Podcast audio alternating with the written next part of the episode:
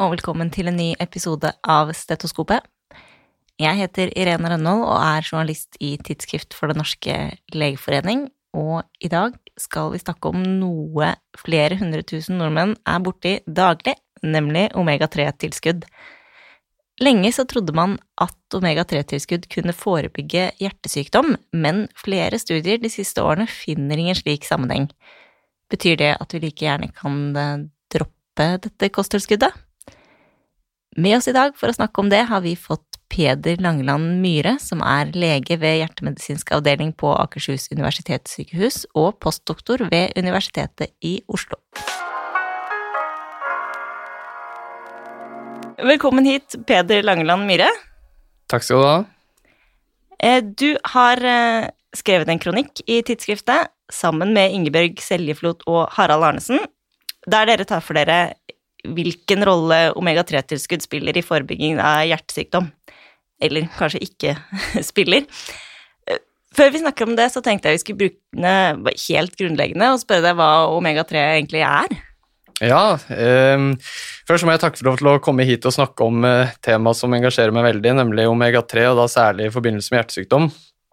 Og eh, omega-3 er jo egentlig slang for omega-3 fettsyrer som er da fettsyrer med flerumettede fettsyrer med dobbeltbånd. Man har jo eh, omega-9, omega-6 og omega-3. Og så har du de mettede fettsyrene, som er en annen gruppe som vi ikke skal snakke om nå. Men så er det altså disse omega-3-fettsyrene som uh, man uh, lenge har trodd uh, har, vært, har hatt veldig mange gunstige effekter for kroppen. Og de regnes også som essensielle, dvs. Si at kroppen lager ikke dette selv, det må omdanne det fra ting du spiser. Og da er det sånn enten kan du innta de, de fettsyrene som man tror har effekt, eh, har forkortelser EPA og DHA, og de blir litt sentrale utover.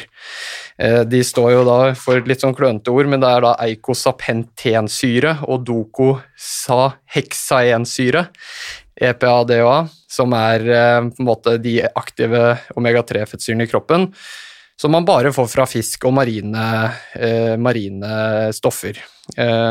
Og så er det da en tredje omega-3-fettsyre som heter alfa-linolensyre, som vi også får fra korn og uh, linfrø og, og, en del sånn rapsolje og sånn, som kan omdannes til EPA og DHA i kroppen. Men omega-3, når man snakker om omega-3, så tenker vi altså marine flerumettede fettsyrer. Eh, hvilken funksjon har de i kroppen, da? Hvorfor må vi ha oss det her? Um, Nei, altså Omega-3 finner vi eh, i store deler av kroppen. Det er jo, eh, Blant annet i hjernen er det veldig mye DHA. Eh, det er i retina, det er eh, i, i, fettsyrene. Og, eh, og eh, omega-3-fettsyrer er, er, noe vi må ha i kroppen, og vi får det da gjennom kosten. Dere skriver i kronikken deres at det ikke er så mye dokumentasjon på at omega-3-tilskudd kan hindre hjertesykdom. Hva er grunnen til at man har trodd det i utgangspunktet?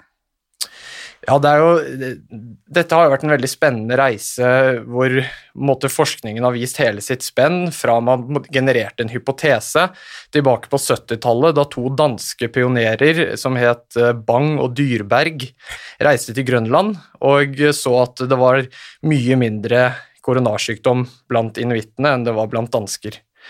Og så registrerte, tok de blodprøver og så at de hadde mye høyere nivåer av nettopp omega-3-fettsyrene enn danskene. Det var noe sånn som 14 eh, jeg, Og så var det da inntaket deres. var sånn De fikk i seg 14 gram omega-3, de inuittene, mot 3 gram som danskene fikk i seg.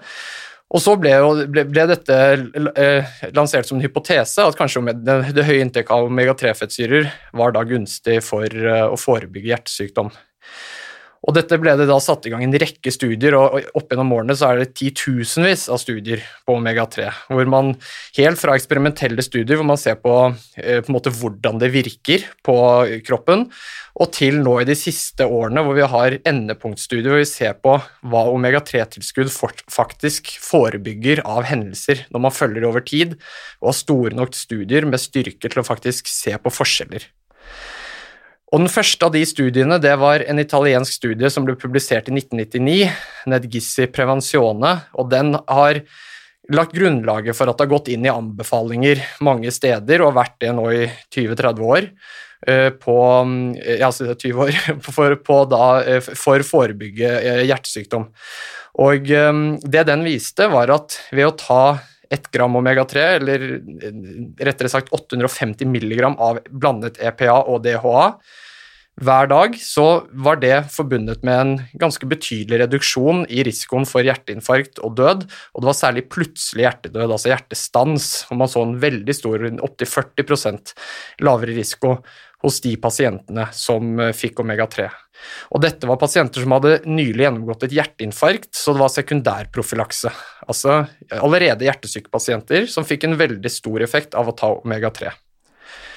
Og eh, Pga. den studien eh, og en del eksperimentelle studier som viste nettopp dette er mekanismene til omega-3, hvor, hvor, hvor, vi vet at det hemmer inflammasjon, vi vet at det hemmer hvordan blodplatene aggregerer og danner blodpropper, og vi, vi, vi ser at det helt konsekvent senker triglyceridene, som kommer til å bli ganske sentralt også når vi skal snakke om senere noen studier så, har, så, så var det en uh, måte grunnlag for at det ble anbefalt, særlig hos pasienter som hadde hjertesykdom, å ta omega-3.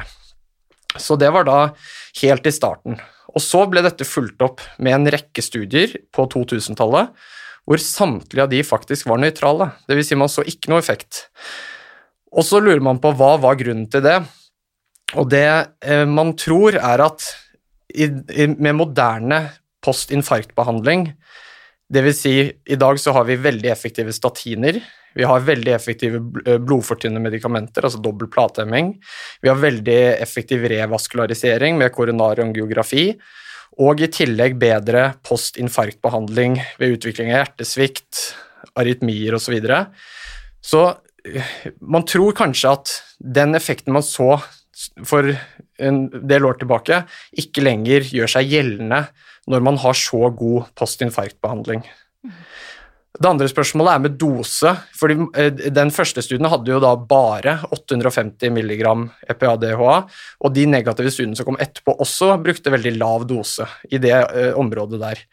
Så da ble det på en måte den neste bølgen av studier ble jo da på om man skulle ha høyere dose. For etter hvert så viste det seg at det hadde ikke noe effekt å ta omega-3 i den lave dosen når man hadde så god, moderne hjerteinfarktbehandling som man hadde.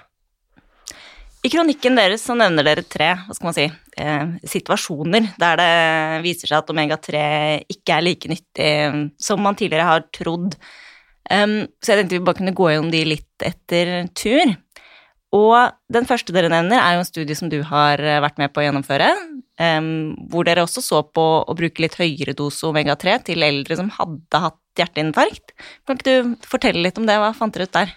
Jo, um Eh, jeg var del av OMEMI-studien, som står for omega-3 eh, til eldre med hjerteinfarkt, eh, som var ledet fra Ullevål sykehus med professor Seljeflot og professor Arnesen, der hypotesen var hvis vi gir en høyere dose omega-3, omtrent dobbelt så mye som disse nøytrale studiene på 2000-tallet, og i tillegg gir det til en veldig høyrisikogruppe, nemlig eldre som har hatt nylig hjerteinfarkt, vil man da kunne se en effekt. Og eh, denne studien har pågått siden 2012, og vi har inkludert over 1000 eldre hjerteinfarktpasienter. Eh, jeg har inkludert 350 av de, og det er, har vært et, um, har vært et uh, tidkrevende arbeid, for det er jo en pasientgruppe som er veldig sårbar, med mye komorbiditet og krevende å følge de opp. Men det var en stor glede å presentere resultatene nå på forrige uh, amerikanske hjertekongressen i november. Uh, der, uh, og der kunne vi rett og slett presentere resultater som var helt nøytrale. Vi også fant helt nøytrale. Vi fant ingen forskjell i risikoen for å utvikle nye hjerteinfarkt eller død uh, eller slag hos pasienter som fikk 1,8 gram omega-3, mot de som fikk placebo eller maisolje, som vi brukte. Hvor, hvor, overraskende var det? Altså, hva eh, Det var eh, Det har skjedd en del fra 2012 til vi presenterte våre resultater. Så i mellomtiden så har det kommet noen studier som har um, også vist det samme som vi fant, nemlig at ikke det var noe effekt. Sånn at det, vår studie føyer seg egentlig inn i rekken av de andre studiene som er nøytrale. Og det er jo egentlig ganske beroligende at ikke man finner en sånn utligger altså som, som, som, ikke henger sammen med alt det andre. Så det virker som det stemmer, måte hele litteraturen stemmer når det gjelder bruk av omega-3-kosttilskudd for å forebygge hjerte- og karsykdom. Og dette er jo da i den gruppen som er etter hjerteinfarkt. Hva da med pasienter som ikke har hatt et hjerteinfarkt, altså omega-3 som primær profylakse? Nei, og Det er jo kanskje et enda vanskeligere um, forskningsspørsmål. fordi når man snakker om disse hjerteinfarktpasientene og våre eldre pasienter, så har jo de faktisk en del hendelser. De, de, der er det faktisk en del ny hjerteinfarkt og en del dør. Sånn at man har, man har styrke til å kunne se på det uh, og faktisk komme med et konklusivt svar. Men når det gjelder primærprofylakse, så må man jo da ha et veldig stort antall Eh, deltakere, og de må følges over veldig lang tid. Og det fikk vi endelig da Vital-studien, som er en amerikansk studie som ble presentert for to år siden, kom. Og i den studien så eh, inkluderte de så mange som 25 800 friske deltakere. Eh, de måtte være over 50 år, men de skulle ikke ha noe hjertesykdom. Så fikk de altså omega-3 Eh, ett gram, eh, den, eh, den, samme dosen som de eldre studiene, altså 850 mg med PADOA, og ble fulgt i hele fem år for å se på utvikling av hjertesykdom. Og den studien viste det samme. Det, det var ingen forebyggende effekt på eh, hjerteinfarkt, slag eller kardiovaskulær død ved å ta omega-3-fettsyrer eh, hos friske eh, sammenlignet med placebo. I tillegg til Vital-studien så var det en studie som ble presentert nesten samtidig, som het Ascent-studien, der de så på uh, effekten av den samme dosen omega-3 til pasienter med diabetes. Altså, uh, de hadde ikke hjertesykdom, men de hadde diabetes, dvs. Si en, en, en risikofaktor for Eh, utvikling av hjertesykdom. Og eh, I den studien var det også eh, veldig mange pasienter inkludert. Eh, jeg lurer på om det var 9 eller 10 000. og De ble fulgt over lang tid, 6-7 år. og Også i den studien så var det ingen reduksjon av risiko, altså reduksjon i antall hjertehendelser, hjerteinfarkt, slag eller kardiovaskulær død. Sånn at Innen primærprofylakse så, så, vet vi nå fra de studiene at eh, det å ta omega-3 eh, for å forebygge at det hele tatt utvikler seg hjertesykdom, har heller ikke noe for seg. Hva da med en tredje pasientgruppe dere nevner, nemlig pasienter med høye triglyseridnivåer? Nettopp. Og det er på en måte der man Hvis det var én gruppe man virkelig trodde skulle ha effekt av omega-3, så var det nettopp de pasientene med hypertriglyceridemi, som det kalles. Fordi det vi vet, og det som er helt konsekvent gjennom alle disse studiene, er at tar man høy dose omega-3, så reduserer man triglycerider. Og triglycerider, altså blodfett, er en veldig ugunstig ting, en risikofaktor som er uavhengig for utvikling av hjerteinfarkt og, og eh, kardiovaskulære hendelser. Eh, det vil si at den, selv om man justerer for LDL og andre risikofaktorer, LL-kolesterol og andre risikofaktorer, så er triglycerider en uavhengig risikofaktor for utvikling av hjertesykdom. Så da skulle man jo tro at hvis vi hadde en medisin som kunne redusere de, så ville jo det være veldig gunstig for å forebygge utvikling av hjertesykdom. Og eh, det spørsmålet eh, har også blitt stilt gjennom disse årene. Jeg sa det er masse store studier som har blitt lansert i det siste, og den kanskje viktigste av de, og største av de, heter Strength-studien, som ble presentert samtidig med vår OMEME-studie på den amerikanske hjertekongressen eh, nå i november. Og I den studien så inkluderte de altså 12 000 pasienter med høye triglyceridnivåer, og fulgte de for eh, utvikling av hjertesykdom. Og i den studien så, Det som var eksepsjonelt med den studien, var at der brukte de en særdeles høy dose. Jeg snakket om at vi og Memi brukte 1,8 gram. Her brukte de altså 4 gram av blandet EPA og DHA. Og man så på blodprøvene at de fikk en veldig stigning i EPA og DHA, sånn at de fikk veldig mye omega-3 i seg, da, for å si det sånn. Og eh, i den studien så var det virkelig ingen signaler om, eh, om at dere kunne beskytte mot utvikling av hjertesykdom. Det var sånn hasardratio, det man snakker om, altså eh, relativ risikoreduksjon, den var 0,99, altså så likt null som det går an å komme. Så det var ingen effekt av en veldig høy dose um, uh, omega-3 hos pasienter med høye triglycerider, selv om de triglyceridene jo ble senket av behandlingen. Kan det ha en negativ effekt, altså når dosen blir så høy? Ja, det er faktisk noe eh, professor Arnesen og Seljeflot har, har, eh, forsket på tidligere med, med en, eh, en, lege som heter Odd Johansen, hvor de så at det faktisk kan utvikle seg prooksidativ at, det kan, at det kan virke sånn At det kan virke ikke antioksidativt, men prooksidativt med så høye doser. Det vil si at det, det kan virke uheldig for, for um, altså, oksidativ stress på blodkarene. Det kan, det kan gjøre at blodkarene blir sykere. Men det er ingen, ingen, ingen sånn altså Omega-3 er på en måte grunnen til at omega-3 eh, som et felt har vært, veld, altså har vært stor entusiasme for det, er at det, det, er jo så naturlig. Det er jo, det er jo, på en måte noe vi får fra eh, fisk, og det er veldig lite bivirkninger av det. Det er sånn at noen får eh, eh litt kvalme og sånn reflux, altså sure oppstøt, men eh, generelt så er det veldig lite bivirkninger og nedside av å ta omega-3-tilskudd. Um, Bortsett fra et signal man har sett nå i de senere studiene, da. Um, det tenkte jeg vi kunne komme litt tilbake til. Jeg bare gjøre meg ferdig med uh, denne pasientgruppa med høye triglyceridnivåer uh, først. Dere nevner også en studie som heter Reduce It, som testa effekt av å gi pasienter høydose etyl-EPA. Um, hva er det, og hva blir forskjellen på å gi pasienter det og gi dem omega-3-tilskudd? Ja, Det er et veldig godt spørsmål, og det er nå eh, kanskje forvirringen blir komplett, men det er egentlig ikke så forvirrende.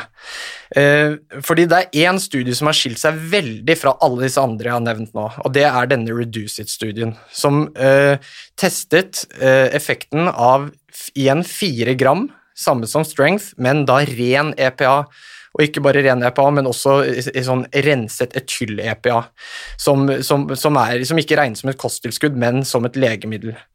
Og I den studien så var det også pasienter med hypertriglyseridemi, altså den pasientgruppen man virkelig tror skal respondere på omega-3-fettsyrer, som fikk denne høye dosen EPA og ble fulgt i flere år.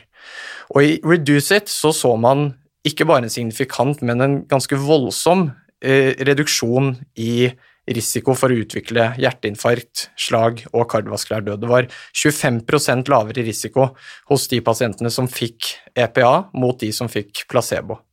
Men når det gjelder placebo i denne studien, så er det grunnen til at, at, at det ikke dette har blitt helt absorbert av av det hjertemiljøet, er det at deres valg av, av placebo er svært eh, har vært veldig mye diskutert. Fordi uh, Omemi-studien, vi brukte jo da maisolje, som regnes som kanskje den mest nøytrale eh, oljen. Man må jo ha noe i kapslene til de som får placebo også. Og maisolje har regnet, regnes som at den påvirker ikke det kardiovaskulære systemet eller kroppen i det hele tatt, mot f.eks. olivenolje, som kanskje kan virke litt gunstig, og da måtte vaske man ut effekten. Mens det de valgte å bruke i Reduce It, var noe som heter mineralolje, som ikke har vært brukt så mye før, og som vi egentlig ikke kjenner så mye til. Og det man så, var at den gruppen som fikk mineralolje, faktisk fikk en liten stigning i LDL-kolesterol og en liten stigning i CRP, altså en sånn inflammasjonsmarkør, slik at det er ikke sånn at de to altså de tingene kan forklare den voldsomme effekten av medisinen, men vi som miljø skulle veldig gjerne ha sett den samme studien bli gjort en gang til med maisolje som placebo, for at vi virkelig skal kunne tro på å bruke um, dette produktet som, uh, som, behandling for pasienter med hypertriglyceridemi. Noe vi veldig gjerne skulle gjort, fordi vi har ikke noe behandling for høye triglycerider i dag. Det er, det er, statiner som er til alle med hyperlipidemi eller høy risiko, og så er det ikke noe vi kan for å behandle, har for å behandle selve den høye triglyceridnivåene. Og i USA så har, jo, har denne, denne, medisinen eh, blitt markedsført og godkjent av FDA, sånn at der er den i klinisk bruk eh, for, for, pasienter med hypertriglyceridemi. Og det blir spennende å se hva de europeiske myndighetene gjør med det eh, senere. Hvor optimistisk er det grunn til å være, tenker du? Altså, Tross for den uheldige placeboen? Eh, altså, jeg tror det er noe i, uh, i dette her med høy dose EPA. Fordi det som er med, er at Reduces står egentlig ikke alene. Man skal aldri stole på én studie som står helt alene. Det er nemlig en annen studie fra Japan i 2007 som heter Jelis-studien, hvor de også så på ren EPA. Riktignok i litt lavere dose, 1,8 gram Og eh, i den studien så, eh, så man også en signifikant reduksjon, ikke like stor som Reduced, men der også var det en signifikant reduksjon i, eh, i risiko. Det, det, den studien har blitt kritisert for, er ikke at de brukte mineralolje som placebo, men at de faktisk ikke hadde placebo, altså sånn open label, som alltid er mye mer kritikkverdig, for da vet jo pasientene de, at de får et virkestoff. Slik at den har også svakheter, eh, den Gjele-studien. Og en siste studie som, som, kanskje skal kunne støtte Reduce It, er at de har gjort en sånn mekanistisk studie hvor de har brukt den samme dosen, den fire gram høydosen, eh, til pasienter, og så har de fulgt med på eh, koronarkarene, altså kransårene i, hjertet, med CT for å se på utvikling av åreforkalkning. Og da så man også en veldig forskjell, at de som fikk da høydose EPA, hadde mye saktere utvikling av åreforkalkning enn de som fikk placebo.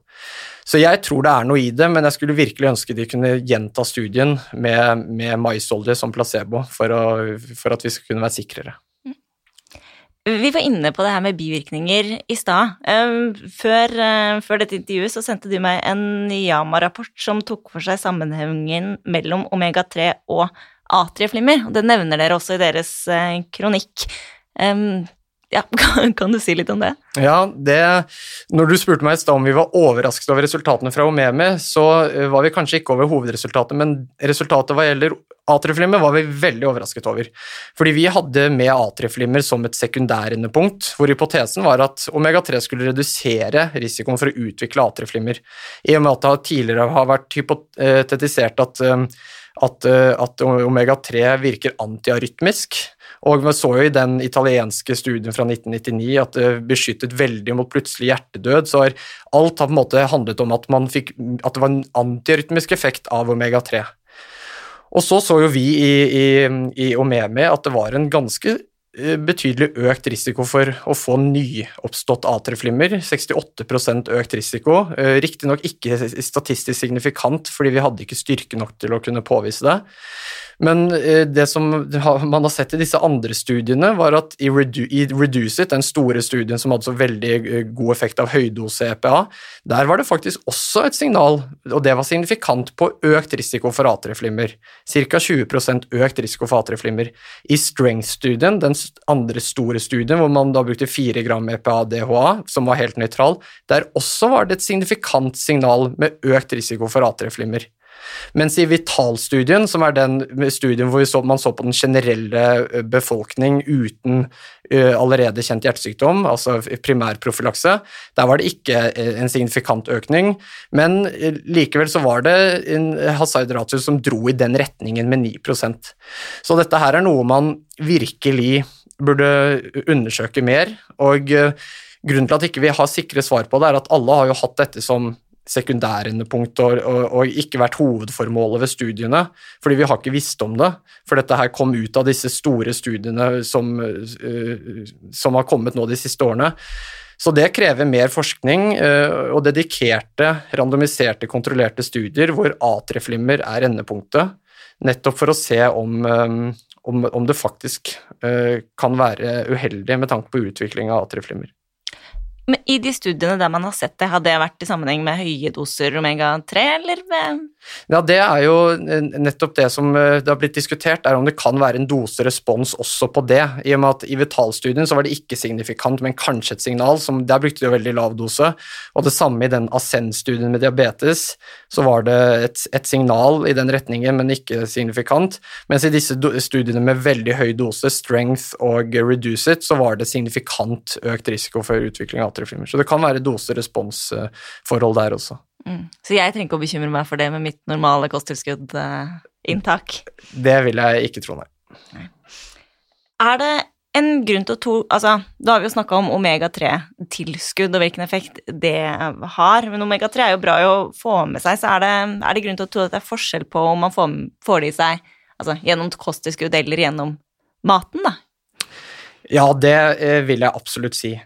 Eh, det vi har snakket om nå hele veien, er jo omega-3 som et kosttilskudd, altså noe du tar som en tablett, som er da langt fra den naturlige måten å få i seg dette på.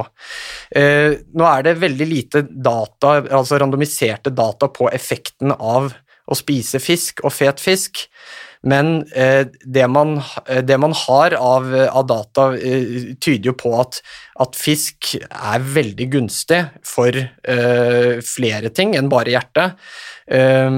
Om det er sånn at omega-3 i fisken, altså i den fete fisken makrell og, og sild og laks og sånn, som inneholder mye omega-3, om det faktisk er omega-3-biten av det som fasiliterer eller medierer de gode effektene, det vet jeg ikke. Og det, basert på de resultatene vi har, sett nå, så er jeg jo også usikker på det. Men uh, at det er gunstig å spise fisk, uh, særlig hvis man ser på hva som er alternativet, nemlig ofte å spise kjøtt eller prosessert mat, så er fisk fremdeles veldig gunstig og eh, noe jeg anbefaler på det sterkeste. For å prøve å oppsummere litt, betyr resultatene fra disse studiene at man like gjerne kan kutte ut omega-3-tilskudd som et sånt kosttilskudd i hverdagen, eller eh, fins det andre grunner til å ta det? Eh, ja, altså Det jeg har uttalt meg om nå, er jo egentlig måte, hjerteeffekten av omega-3. Og det er jo lansert en rekke andre ting som det, som det, kanskje skal hjelpe mot. Det har vært snakk om antialdring og betennelse og hjerneutvikling og eh, Ja, det er en lang rekke, men det er veldig veldig lite av det som er dokumentert. Kanskje ingenting i randomiserte kliniske studier. Um, og det vi vet måte, helt sikkert nå, er at hos pasienter som har hatt et hjerteinfarkt eller har hjertesykdom, så er det ikke noe vits å anbefale å ta vanlige omega-3-kosttilskudd for å forebygge nye hendelser. Og det, og det jeg særlig er redd for i den gruppen, er at uh, ved å på en måte uh, ta omega-3, så kan det ta fokus vekk fra den behandlingen som virkelig har noe å si, nemlig å ta statiner, altså kolesterolsenkende medisiner, ta blodfortynnende, ta de, de medisinene som vi vet forlenger livet og gjør prognosen bedre. Sånn at der er det ingen grunn til å anbefale omega-3-tilskudd. Og så er det da friske som ikke har hjertesykdom, og der eh, må jeg si, basert på, på det som er publisert, at jeg ser ingen grunn til at folk skal ta det for å forebygge utvikling av hjertesykdom. Kanskje med unntak av de som aldri får i seg fisk. Det vet vi ikke helt sikkert enda, og det skal sies at i Vital-studien, den store befolkningsstudien, så var det et signal om at de som spiste ikke fisk, noe fisk, kanskje uh, hadde litt mer At de hadde en viss beskyttende effekt. Det var ikke noe signifikant der. Um, og, og, og, det var også et signal om at um, afroamerikanere, altså de som var med som var selvidentifisert som mørkhudede, uh, også hadde et signal til effekt. Så det kan være noen grupper som uh, har effekt av det, men det er da subgrupper som man egentlig ikke kan stole på. Um, men får man i seg noe fisk gjennom kosten, så bør det være mer enn nok. Så lar vi det være siste ord. Takk for at du eh, kom hit. Det var det vi hadde i stetoskopet for denne gang. Tusen takk for at du hørte på. Kronikken vi har snakket om, heter Omega-3-tilskudd har liten plass i forebygging av hjertesykdom, og er skrevet av Peder Myhre, Ingebjørg Seljeflot og Harald Arnesen. Du kan finne den på tidsskriftet.no, og vi legger en lenke til den i episodebeskrivelsen. Hvis du har eh, ris eller ros eller eh, andre former for tilbakemelding på denne podkasten, så send oss gjerne en mail. Den kan du sende til stetoskopet at tidsskriftet.no. Neste uke er eh, tidsskriftets sjefredaktør Are Brean tilbake med en ny episode av Redaktørens hjørne. Jeg er tilbake om to uker med en ny gjest. Vi høres!